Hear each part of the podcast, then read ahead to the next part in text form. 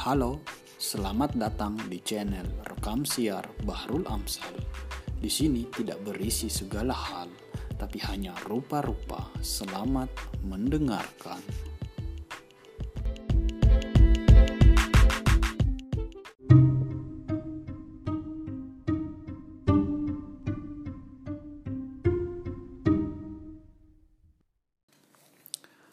Baik, assalamualaikum warahmatullahi wabarakatuh. Uh, selamat pagi untuk teman-teman sekalian.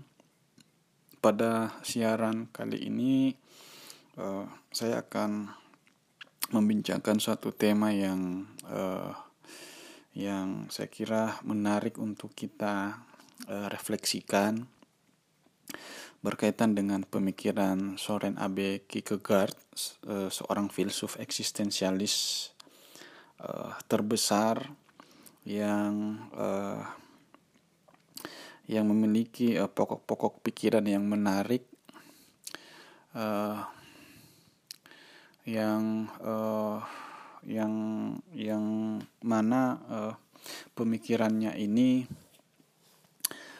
uh, jauh sebelum uh, siaran ini sudah sempat saya uh, diskusikan ketika teman-teman di Paradigma Institute memberikan kesempatan kepada saya untuk membedah uh, uh, satu buku yang ditulis oleh Thomas Hediacaya uh, berjudul Kierkegaard dan Pergulatan Menjadi uh, Diri Sendiri. Uh, buku itu uh, diterbitkan oleh Kepustakaan Populer Gramedia.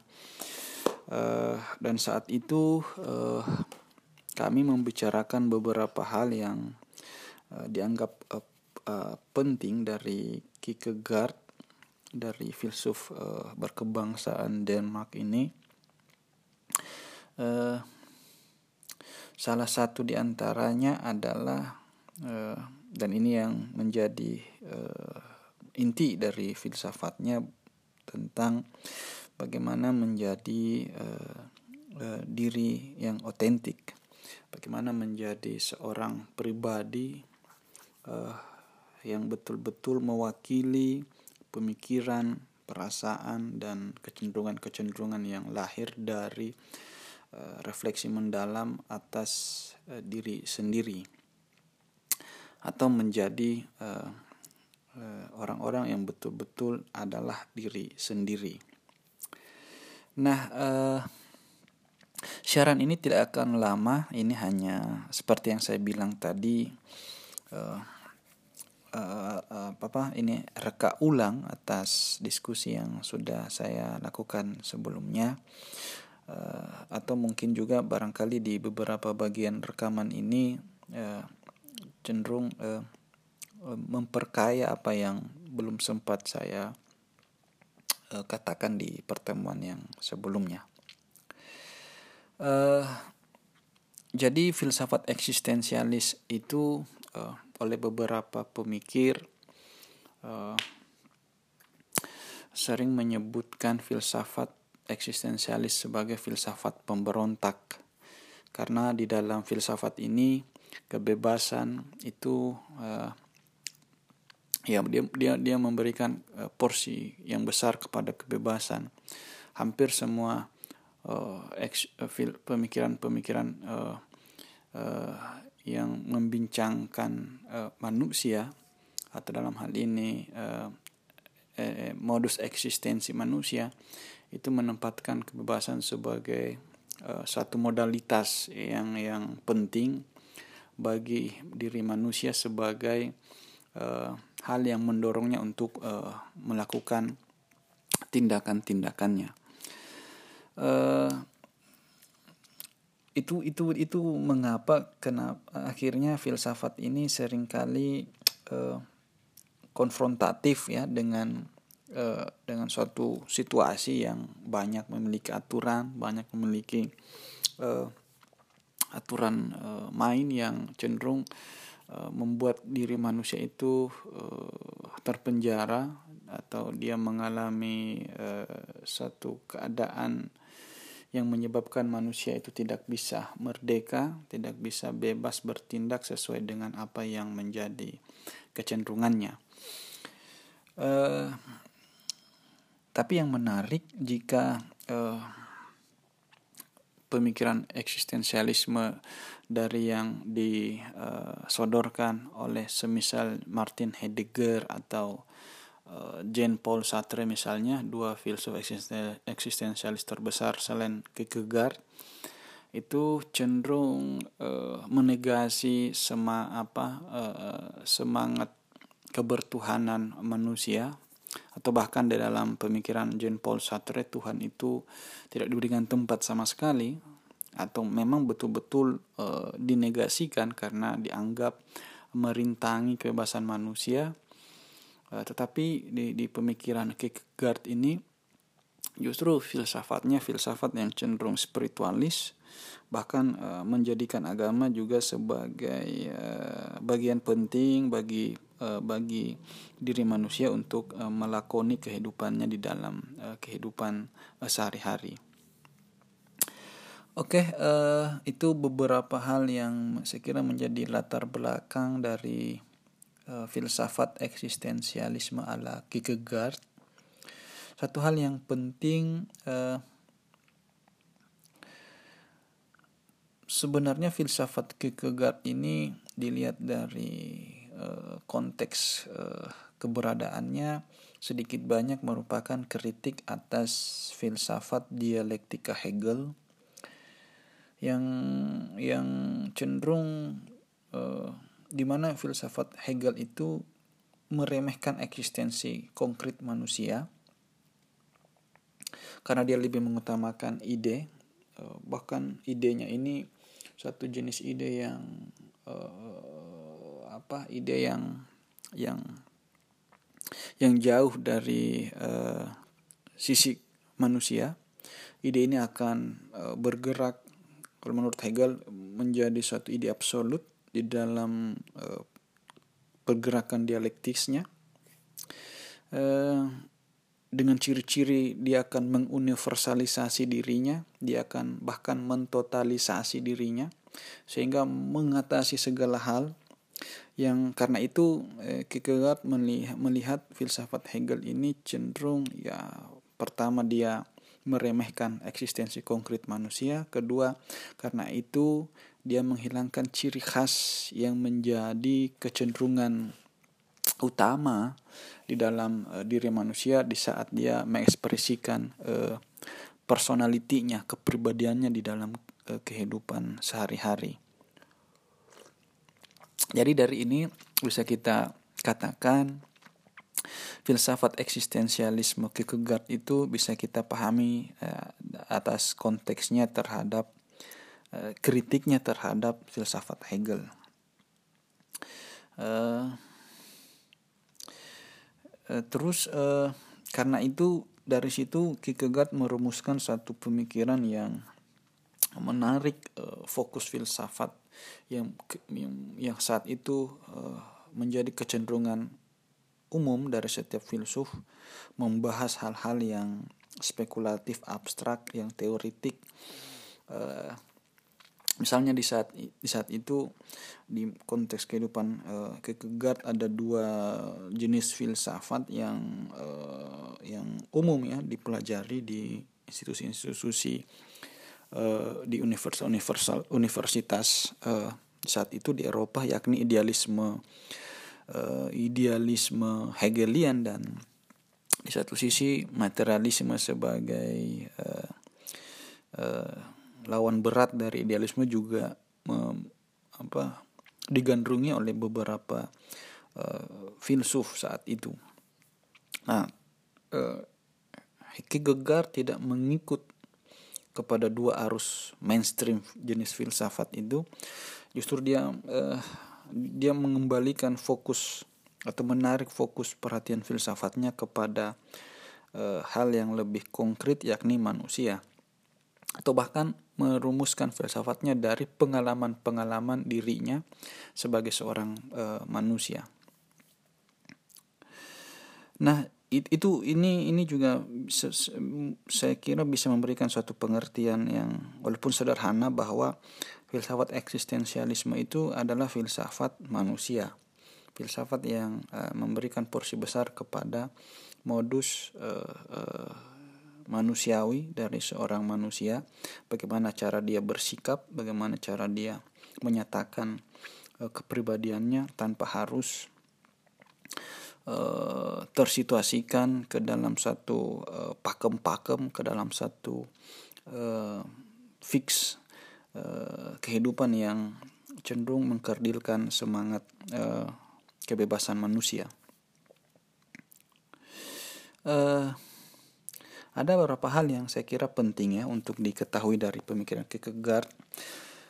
Kalau kita kembali ke buku yang saya sebutkan tadi, di buku ini Thomas uh, menulis banyak sekali ya yang yang uh, menarik, tapi untuk uh, untuk uh, siaran ini saya hanya ingin mengambil dua atau tiga pokok pikirannya. Uh,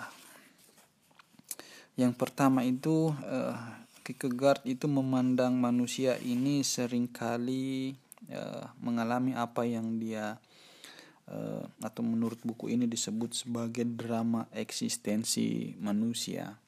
Jadi manusia ini uh, kerap uh,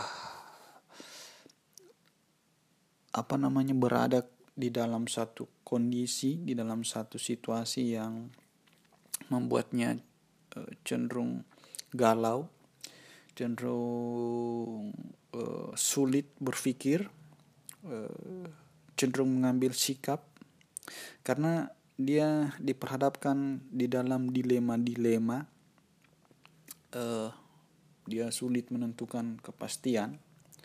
Banyak pilihan-pilihan yang membuatnya uh, uh, apa namanya mengalami agoni penderitaan. Karena mungkin uh, ya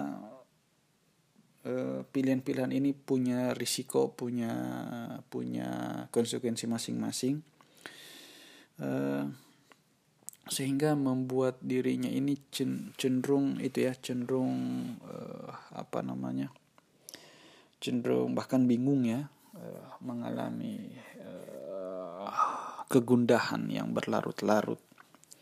Nah kata uh, Kierkegaard, ya itulah kehidupan manusia dia sebenarnya satu makhluk yang tidak bisa lepas dari apa yang disebut drama eksistensi. Nah, uh, Tetapi bagaimana posisi manusia ketika diperhadapkan di dalam atau ketika kita menemukan situasi yang seperti itu? Uh, kata Kierkegaard, uh, ya manusia harus harus menjadi pribadi yang apa uh, pribadi yang otentik. Dia harus uh, menemukan uh, semacam suara uh, hati yang yang timbul di dalam kedalaman refleksinya. Sehingga dia tidak itu ya dia tidak apa namanya dia tidak larut di dalam keputusasaan. Dia tidak larut di dalam penderitaan uh, maka dari itu dia harus mengambil satu uh, pilihan yang yang mau tidak mau harus dia jalani. Karena setiap pilihan pasti ada risiko dan kata Kierkegaard uh, uh, risiko atau uh, implikasi dari pilihan-pilihan yang membuat kita gundah kemudian kita menderita dan kita mengalami kebingungan yang dalam itu bukan untuk dihindari tapi di situlah uh, med apa medan manusia dalam dalam dalam mendudukan uh, dirinya dalam arti menghadapi uh, itu sebagai suatu uh, risiko kehidupan. Uh, kata Kierkegaard, ya hidup memang demikian, mau tidak mau pasti ada yang disebut sebagai uh, drama eksistensi. Uh, Eh, dalam hal ini kalau kita lihat di dalam uh, perbincangan yang menyangkut kebenaran karena setiap pilihan itu pasti mengandung apa yang kita anggap benar kata Kierkegaard eh, problem kebenaran di dalam situasi seperti itu eh, bukan problem yang eh, mau melihat seberapa benar pilihan kita itu seberapa presisi yang kita sebut kebenaran kata Kierkegaard bukan itu soalnya kebenaran itu adalah seberapa kuat kita menanggung kesetiaan di dalam mengam, apa, menjalani pilihan yang sudah kita anggap benar itu. Jadi tidak ada soal Anda itu uh, ber, berkeyakinan A, berkeyakinan B. Bukan itu, tapi seberapa berkeyakinankah Anda terhadap pilihan Anda itu. Nah, itu kebenaran itu kata kegat uh, apa ya sifatnya demikian itu ya subjektif. Pertautannya itu antara pilihan kita dengan komitmen kita bukan antara uh, kesesuaian proposisi ide dan realitas bukan bukan kesesuaian kesesuaian yang uh, sering kali uh, cenderung uh, jauh dari komitmen-komitmen seperti itu. Antara pilihan kita dengan keinginan kita untuk menjalani kehidupan. Nah, kata kegat kebenaran itu uh, mesti dijalani, bukan untuk difikirkan terlalu lama. Uh, justru kebenaran itu dilihat dan dianggap benar se sejauh seberapa komit kita atas pilihan-pilihan yang kita ambil. Nah, itulah yang disebut manusia yang uh, manusia yang uh, beralih dari apa namanya uh, dari kebingungannya menuju kepada suatu uh, apa namanya pengalaman hidup yang mesti menanggung risiko uh, pilihan-pilihannya. Nah, kata uh, ya begitulah apa namanya manusia itu dia selalu uh, dia selalu uh, dilingkupi dari drama eksistensi. Jadi kita ini hidup di antara banyak sekali pilihan-pilihan. Mau memilih menjadi A, memilih menjadi B, memilih menjadi C, memilih menjadi D. Eh, hampir semua keinginan itu uh, sering kali membuat kita gundah ya kita sering kali bingung bahkan mengalami penderitaan berlarut-larut atas uh, yang uh, ingin kita gapai. Nah, menariknya eh, dalam perbincangan yang lain uh, begitu juga dalam buku ini pilihan-pilihan uh, itu uh, atau drama eksistensi ini ada hubungannya dengan apa yang dia sebut sebagai wilayah eksistensi jadi uh, pilihan-pilihan kita itu itu tidak uh, bakal apa ya akan menentukan uh, di mana wilayah eksistensi kita. Uh, jadi begini, uh, Kata Kierkegaard ada tiga wilayah eksistensi manusia. Yang pertama itu wilayah eksistensi estetis, kemudian etis, dan yang ketiga itu religius. Nah, eh,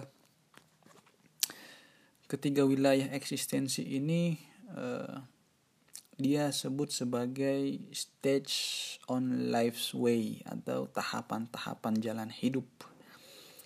Nah, eh, jadi suatu waktu kita ada di tingkatan estetis kalau kemampuan kita uh, baik kita akan masuk ke tahap etis. Setelah tahap etis kita akan masuk ke tahap religius. Begitu uh, dinamika yang disebut sebagai wilayah eksistensi. Nah uh, apa itu wilayah etis? Wilayah etis itu menurut Kierkegaard uh, atau saya lihat uh, saya ambil di buku uh, ini. Uh, wilayah estetis itu adalah uh, suatu wilayah kehidupan yang uh, cenderung bergerak di antara dorongan-dorongan keinginan, dorongan-dorongan hasrat, di mana semua itu tanpa ada pertimbangan-pertimbangan e, rasional bahkan pertimbangan etis. Jadi dia ini suatu modus eksistensi manusia yang memilih sesuatu. Nah ini ada hubungannya dengan pilihan-pilihan tadi drama eksistensi. Karena bukan atas pertimbangan matang tapi digerakkan oleh dorongan dorongan yang estetik dalam arti hasrat. E, dalam arti uh, sensuality kemudian dalam arti uh, bahkan sisi emosionalitas kita yang lebih dominan di dalam uh, uh, memotivasi saat memilih suatu pilihan. Uh, nah uh, wilayah eksistensi ini kalau kita mau ibaratkan dia uh, mengedepankan sensasi yakni ya itu tadi. Dia, melibatkan perasaan dari uh, dari sensasi itulah kita tergoda hasrat kita akhirnya terpancing untuk uh, memilih sesuatu karena uh, karena ya karena kecantikannya karena keindahannya karena kegagahannya ya. Uh, kesukaan kita itu bukan atas suatu uh, bukan atas hal-hal yang dianggap relevan tapi karena ya atas like or dislike saja gitu. Jadi uh, ini suatu pola hidup yang um, dia mungkin bisa kita hidup satu bisa kita katakan satu hidup yang uh, seperti anak-anak itu ya. Anak-anak itu umumnya uh, hidup ya suka tidak suka belum ada eh, belum ada pengaruh etis atau bahkan pengaruh rasionalitas dia yang eh, menjadi eh, eh, apa hakim ya dalam mempertimbangkan pilihan-pilihannya. Itu itu eh, itu itu disebut oleh wilayah oleh Kierkegaard wilayah eks, eh, wilayah estetis. Eh, yang kedua itu wilayah atau eksistensi yang kedua itu adalah tahap etis Nah, ini di tahap ini orang sudah akan meninggalkan tahap uh, hasrat, tahap kesenangannya dan memasuki suatu modus kehidupan yang mulai mempertimbangkan kebaikan dan kejahatan di dalam uh, mengambil pilihannya atau di dalam dia melakukan sesuatu. Jadi secara hakiki hidupnya tidak lagi ditandai uh, apa namanya uh, tidak lagi ditandai oleh atau digerakkan oleh kesenangan-kesenangan, perasaan, hasrat dan semacamnya. Uh, di sini dia sudah sudah masuk ke suatu uh, pilihan yang melibatkan refleksi. Dia sudah melibatkan uh, apa dampak dari pilihan-pilihan yang akan yang akan muncul. Itu yang menjadi pertimbangannya. Dengan kata lain seperti yang tadi dia sudah melibatkan kebaikan dan keburukan sebagai kualifikasi yang harus dia ikutkan untuk memilih suatu pilihan. Jadi ibaratnya dia ini seperti kalau anak kecil itu kan ketika dia dirayu untuk meminum obat uh, ya suka tidak suka walaupun sebenarnya obat itu penting bagi kesehatan tubuhnya tetapi karena pertimbangannya masih estetis suka tidak suka ya dia ogah ya untuk uh, meng, uh, meminum obat yang diberikan bagi uh, penyakitnya itu. Tetapi kalau sudah tahap etis tahap yang kedua itu ya kita harus menekan sedemikian rupa suka tidak suka kita. Ya kita memilih itu karena pertimbangan ini kebutuhan kita, ini baik bagi tubuh kita. Maka dari itu penting bagi kita untuk uh, mengkonsumsi obat demi kesehatan. Jadi bukan lagi suka tidak suka. Jadi kira-kira begitu. Jadi perasaan kita mengatakan, "Ah, ini ini ini obatnya ini pahit, obatnya ini enek." Kira-kira begitu. Tapi akal kita pertimbangan baik buruk itu mengatakan ini penting bagi kesehatan kita sehingga pilihannya ada pada anu, pada akal atau pada hati itu tergantung kita. Kalau kita memilih dengan pertimbangan akal, berarti itu eh, sepadan dengan apa yang disebut oleh Kierkegaard masuk ke tahap etis karena kita sudah mempertimbangkan baik dan buruknya satu uh, pilihan. Kalau sebaliknya lebih mengutamakan senang tidak senang, suka tidak suka, eh, berarti itu tahap estetik, masih melibatkan sensasi. Nah, yang ketiga ini tahap yang jauh lebih tinggi, yakni tahap religius. Jadi, orang sudah menyadari pertimbangan baik dan jahat itu tidak lagi memadai untuk hidupnya. Jadi, ini lebih kepada bagaimana dia membangun relasi dengan apa yang diyakini sebagai yang ilahi.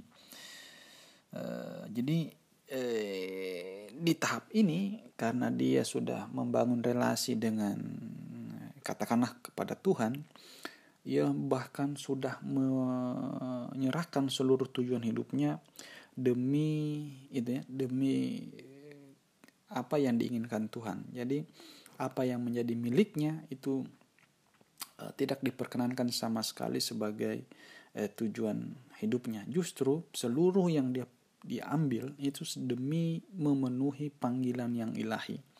Jadi penghikmatannya ini bukan lagi demi memenuhi egonya. Baik buruknya itu pun sekali sekalipun itu uh, uh, uh, uh, dianggap sebagai bahkan tidak memadai lagi karena semuanya demi uh, apa namanya demi memenuhi satu panggilan ilahi. Demi berkhidmat kepada apa yang disebut uh, apa yang kita anggap uh, atau layak diberikan yakni kepada Tuhan itu sendiri.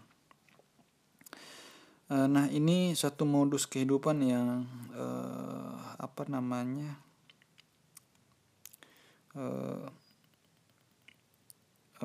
apa yang lebih tinggi ya tentu dari wilayah estetis dan etis.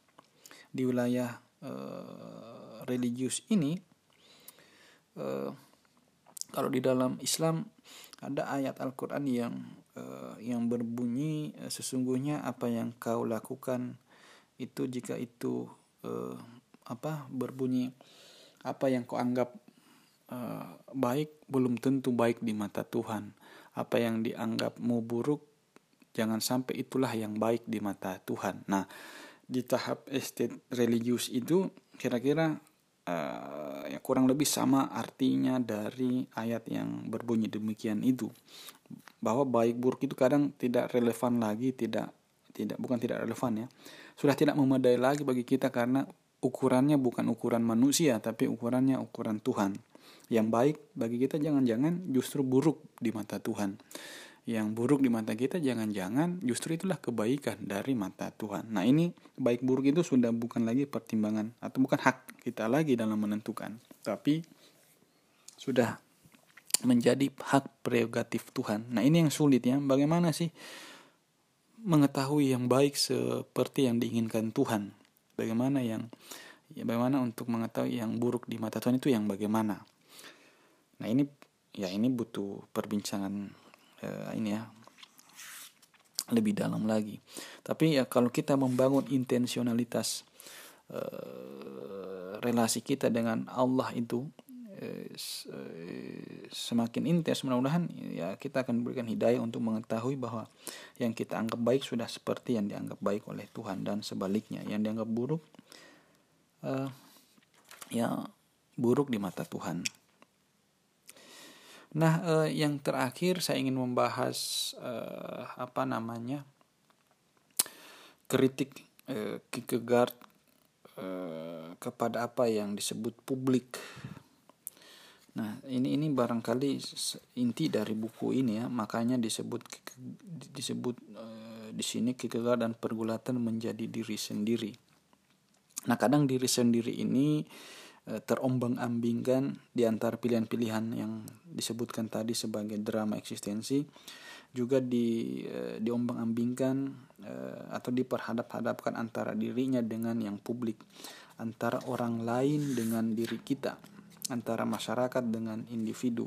Kadang kita ini menjadi pribadi yang kehilangan orientasi hidup karena hanya ingin mengiyakan apa-apa yang Eh, dinyatakan di dalam masyarakat. Kita kadang kehilangan kepribadian otentik kita karena lebih uh, tergoda rayuan apa yang menjadi mainstream, apa yang menjadi uh, populer di dalam kehidupan bermasyarakat. Nah, uh, itu banyak sekali ya kritiknya terhadap apa yang disebut publik. Karena pertama, publik itu menghilangkan keunikan manusia sehingga uh, penting untuk uh, apa namanya itu dikritik itu yang disebut publik. Dan yang kedua eh, karena publik ini cenderung ya otorit otoritatif dan cenderung bahkan dominan maka individu yang merdeka itu harus punya keberanian untuk melawan semua itu.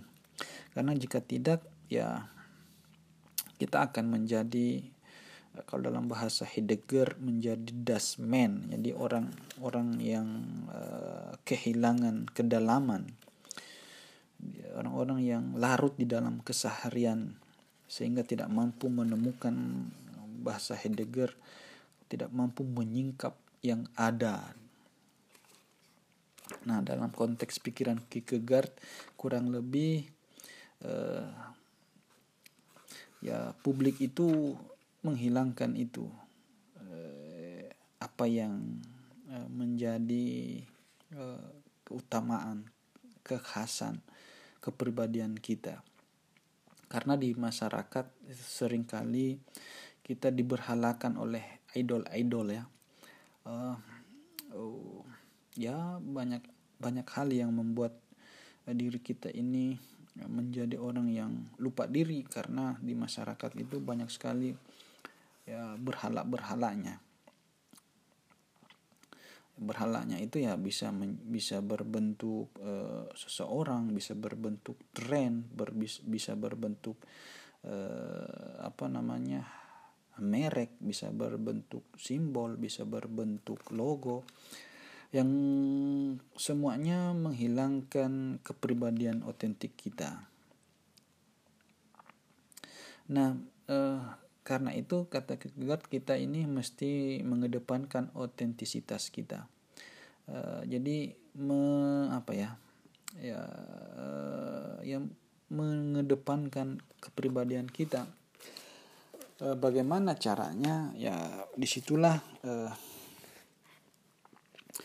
kata Kierkegaard ada yang disebut sebagai kebenaran dalam konteks subjektivitas ini yang saya sebutkan tadi bahwa kebenaran itu bukan soal dia objektif atau apa, tetapi kebenaran itu eh, adalah sesuatu yang sebenarnya harus mampu berbicara dan bermakna bagi kehidupan kita.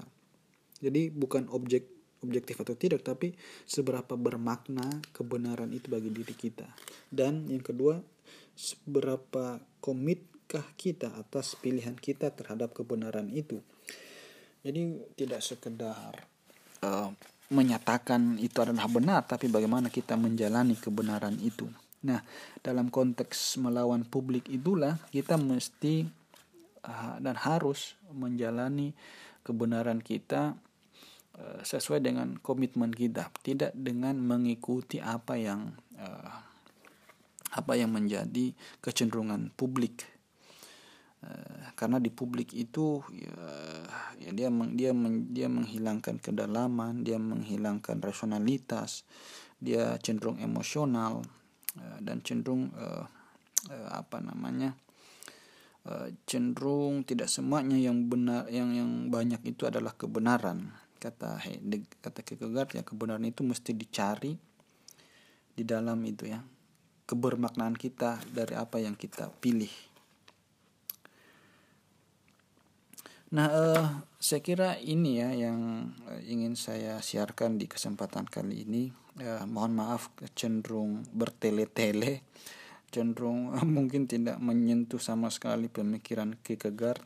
Tapi uh, untuk rekaman ini saya ingin rekomendasikan uh, ya kalau ingin tahu lebih banyak salah satu buku dan dari buku inilah diskusi ini atau diskusi yang dilakukan di paradigma beberapa bulan lalu itu uh, dilakukan ya judulnya itu tadi Kierkegaard dan pergulatan menjadi diri sendiri. Uh, ini ditulis oleh Thomas Hidia Caya uh, silakan teman-teman cari uh, dan kalau memang uh, penasaran ya teman-teman juga bisa uh, men-share tulisan saya di uh, ya di blog saya. Begitu. Oke okay, uh, itu ya saya kira demikian. Assalamualaikum warahmatullahi wabarakatuh